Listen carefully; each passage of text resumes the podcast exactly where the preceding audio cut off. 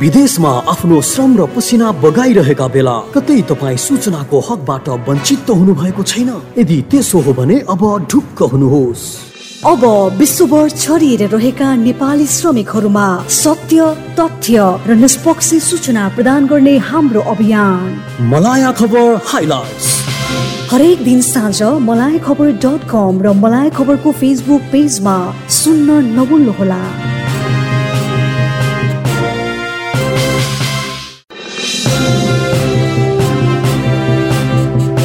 यो समय हो मलाया खबर हाइलाइट्सको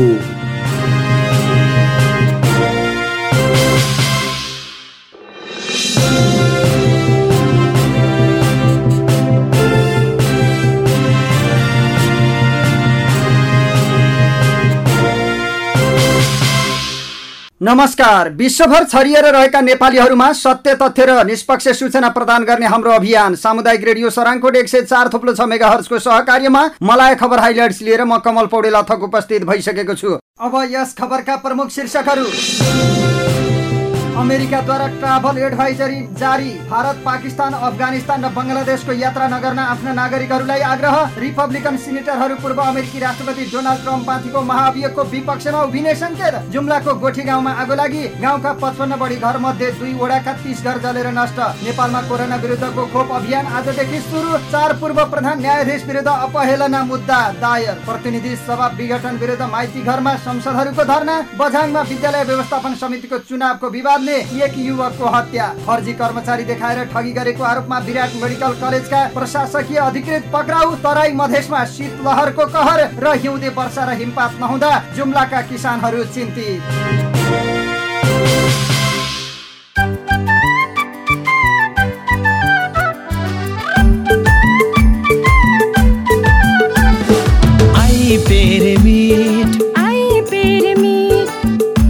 विश्वासिलो भर पर्दो आई पेरेमिट विदेशबाट आएको पैसा छिटो लिन I pay remit Dubai Qatar Malaysia जहाँबाट पैसा पठाए नि जित्न मिल्छ तुरुन्तै समयको पनि बचत हुने। तपाईँको घर आँगनमै सेवा दिन आएको छ आई पेरेमिट गाउँ सहर सबैतिर छाएको छ आई पेरेमिट विदेशबाट घर आँगनमा पैसा पठाउन ढुक्क भएर सबैले प्रयोग गरौँ। तपाईँको हाम्रो आफ्नै रेमिट आइपी रेमिट अब खबरहरू विस्तारमा। अमेरिकाले ट्राभल एडभाइजरी जारी गर्दै भारत पाकिस्तान अफगानिस्तान र बङ्गलादेशको यात्रा नगर्न आफ्ना नागरिकहरूलाई आग्रह गरेको छ। बाइडेन प्रशासनले कोरोना महामारी आतंकवाद र साम्प्रदायिक हिंसाको अवस्थालाई मध्यनजर गर्दै ट्राभल एडभाइजरी जारी गरेको हो। अमेरिकाले भारत पाकिस्तानको सीमा क्षेत्रमा पनि नजान भनेको छ किनभने आतंकवादी संगठनहरू सीमा क्षेत्रमा सक्रिय रहेको अमेरिकाको भनाइ छ। भारत पाकिस्तानको सीमा क्षेत्रमा बेला बेलामा गोलाबारी हुने गरेको छ।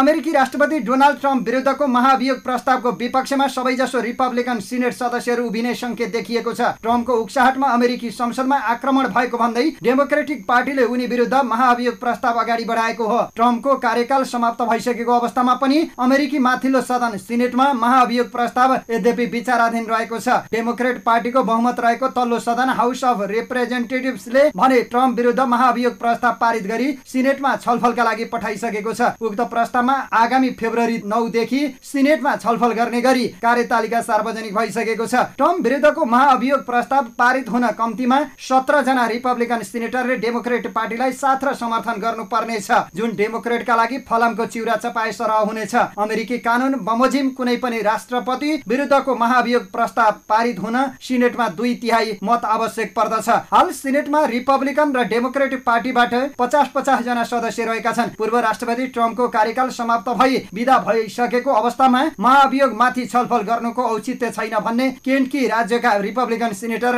रान्ड पलको भनाइलाई सिनेटमा भएको मतदानमा पचपन्न पैतालिसले अस्वीकार गरेको थियो। मतदान पछि बोल्दै सिनेटर पलले पैतालिस जना सिनेटर महाअभियोगको विपक्षमा रहेकाले महाअभियोग प्रस्तावको संवैधानिक आधार समाप्त भइसकेको जिकिर गरेका छन्। महाअभियोगको सुनवाईको अध्यक्षता गरेका अस्सी वर्षीय सिनेटर प्याट्रिक लेहीले मङ्गलबारको प्रारम्भिक सुनवाई पछि एकाएक स्वास्थ्य अस्वस्थ अस्वस्थ भएर अस्पताल भर्ना भएका थिए तर उनको स्वास्थ्य अवस्था सुधार भइसकेको उनका प्रवक्ताले बताएका छन्। पछिल्ला राजनीतिक घटनाक्रम र अर्कान्सा राज्यको गभर्नरका लागि व्हाइट हाउसकी पूर्व प्रेस सचिव सराह हक्याबी स्यान्डर्सको मनोनयनले रिपब्लिकन पार्टीभित्र ट्रम्पको प्रभाव निकै रहेको अनुमान समेत गरिएको छ। जुम्लाको तिला गाउँपालिका साथ पाखरीको गोठी गाउँमा तीस घर जलेर नष्ट भएको छन्। जिल्ला प्रहरी कार्यालय जुम्लाका प्रमुख माधव प्रसाद काफ्लेका अनुसार तीस घर जलेर नष्ट भएका हुन्। प्रहरी नायब उपरीक्षक डिएसपी काफ्लेका अनुसार तीस घर सहित सत्र गाई तेइस गोरु र तीस भेडा बाख्रा सहित सत्तरी पशु चौपया पनि आगोले जलेर नष्ट भएका छन्। घटनास्थलमा प्रहरी सशस्त्र प्रहरी पुगिसकेको र क्षतिको विवरण थप आउन बाँकी रहेको उनले जानकारी दिएका छन्। दुई हजार सतहत्तर माघ तेह्र गते राति सात बजे तिला गाउँपालिकाको गुठी भन्ने गाउँमा आग लागि भएको थियो। यस गाउँका पचपन्न बढी घर मध्ये दुईवटाका तीस घर जलेर नष्ट भएका छन्। घटनास्थल सदरमुकामबाट बयालिस किलोमिटर टाढा निकै दुर्गममा भएकाले समयमै सुरक्षा निकाय पुग्न नसक्दा स्थानीयले आगो नियन्त्रण गर्न नसकेपछि बस्ती नै खरानी भएको स्थानीय बासिन्दाले बताएका छन्। संसद विघटनको विरोधमा संयुक्त विज्ञप्ति जारी गर्ने चार पूर्व प्रधान न्यायाधीशहरू विरुद्ध सर्वोच्च अदालतमा अवहेलना मुद्दा दायर भएको छ। अधिवक्ता धनजित बस्नेतले पूर्व प्रधान न्यायाधीशहरू मिनबहादुर रायमाझी अनुपराज शर्मा कल्याण श्रेष्ठ र सुशीला कार्की विरुद्ध अवहेलना मुद्दा दायर गरेका हुन्। मुद्दाको पेशी यही माघ पन्ध्र गते तोकिएको छ। अदालतमा विचाराधीन मुद्दामा टिप्पणी गरी स्वतन्त्र र निष्पक्ष न्याय सम्पादनमा हस्तक्षेप गरेको भन्दै रिट निवेदकले उनीहरू विरुद्ध न्याय प्रशासन ऐन दुई हजार त्रिहत्तरको दफा सत्रको उपदफा चार बमोजिम हदैसम्मको सजाय माग गरेका छन्। छन्। अदालतको अपहेलना गरेको ठहरेमा सम्बन्धित अदालतले कसुरदारलाई एक वर्षसम्म कैद वा दस हजार रुपियाँसम्म जरिवाना वा दुवै सजाय वा अन्य उपयुक्त आदेश गर्न सक्ने कानुनी व्यवस्था रहेको छ। पूर्व प्रधान न्यायाधीशहरू रायमाझी शर्मा श्रेष्ठ र कार्कीले चौबिस पुसमा संयुक्त विज्ञप्ति निकालेर प्रतिनिधि सभा विघटनलाई असंवैधानिक भनेका थिए। नेपालमा कोरोना भाइरस विरुद्धको खोप अभियान देशभर सुरु भएको छ। स्वास्थ्य कर्मी सुरक्षा कर्मी सरसफाई कर्मी लगायतलाई पहिलो चरणमा खोप लगाउन सुरु गरिएको हो। प्रधानमन्त्री केपी शर्मा ओलीले बालुवाटारबाट भर्चुअल विधिबाट खोप अभियान सुरु गरेका हुन्। अभियान शुभारम्भ समारोहमा राष्ट्रपति विद्यादेवी भण्डारीको सन्देश वाचन गरेर सुनाइएको थियो। काठमाडौँमा शुक्रराज ट्रपिकल तथा सरुवा रोग अस्पताल टेकु वीर अस्पताल आयुर्वेद अनुसन्धान तथा तालिम केन्द्र अस्पताल कृतिपुर पाटन अस्पताल परोपकार प्रसुति तथा स्त्री रोग अस्पताल थापाथली त्रिवी शिक्षण अस्पताल महाराजगंज भक्तपुर अस्पताल शहीद धर्मभक्त अङ्ग प्रत्यारोपण केन्द्र भक्तपुर काठमाडौँ मेडिकल कलेज जोरपाटी सशस्त्र प्रहरी अस्पताल बलम्बु शहीद गङ्गालाल अस्पताल बाँसबारीका स्वास्थ्य कर्मीले खोप लगाएका छन्। बुधबार बाह्र हजार व्यक्तिले खोप लगाउने स्वास्थ्य मन्त्री हृदय त्रिपाठीले जानकारी दिएका छन्। पहिलो चरणको अभियान दस दिनभित्र सम्पन्न हुनेछ। नेपालमा भारतको सिरम इन्स्टिच्युटले उत्पादन गरेको कोभिसिल्ड खोप प्रयोग गरिएको हो। अनुदानमा उपलब्ध यो खोप भारतमा सत्तरी प्रतिशत प्रभावकारी देखिएको छ।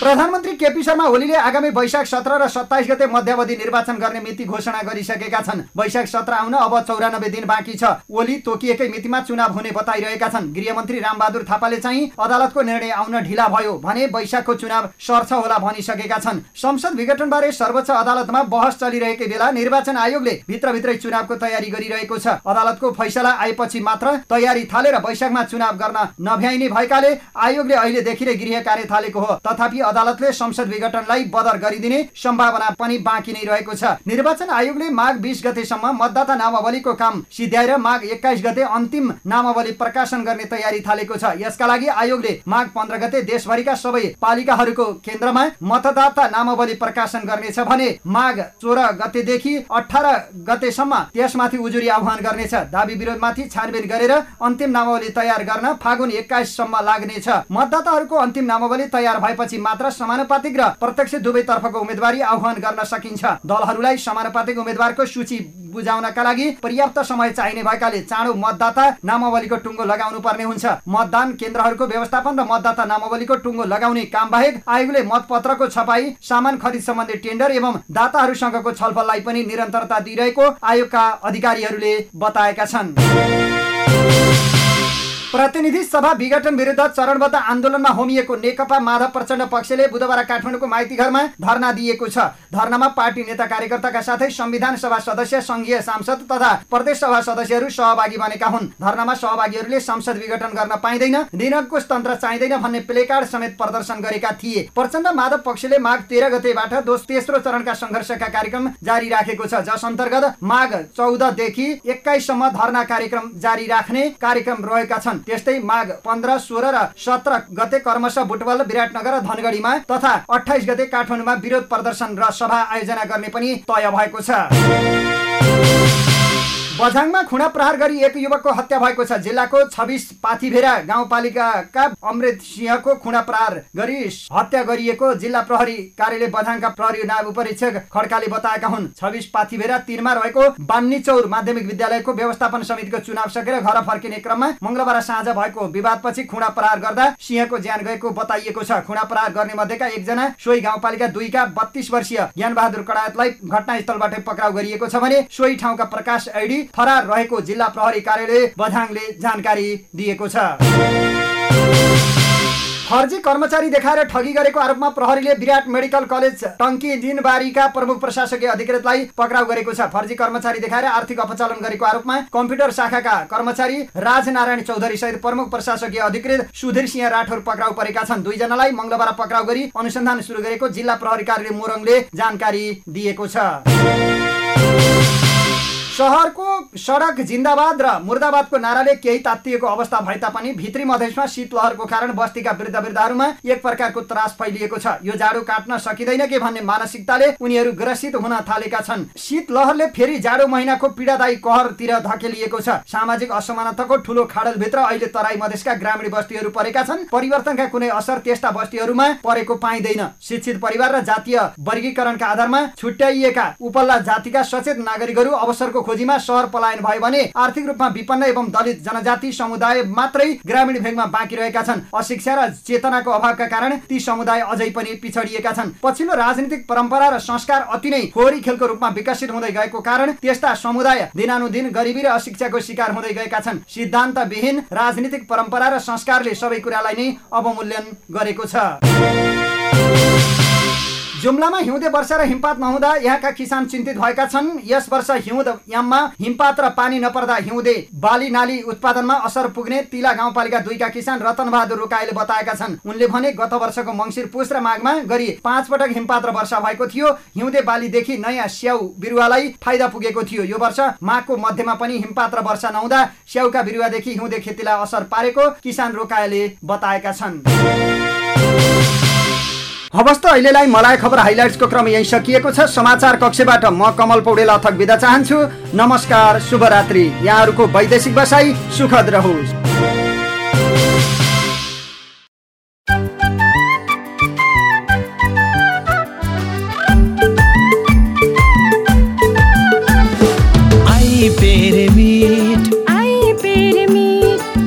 विश्वासिलो भर पर्दो आई पेरे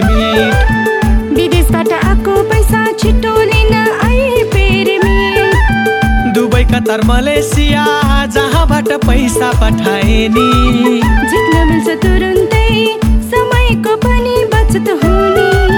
तपाईँको घर आँगनमै सेवा दिन आएको छ पेरेमिट गाउँ सहर सबैतिर छाएको छ पेरेमिट विदेशबाट घर आँगनमा पैसा पठाउन ढुक्क भएर सबैले प्रयोग गरौँ तपाईँको हाम्रो आफ्नै रेमिट आइपी रेमिट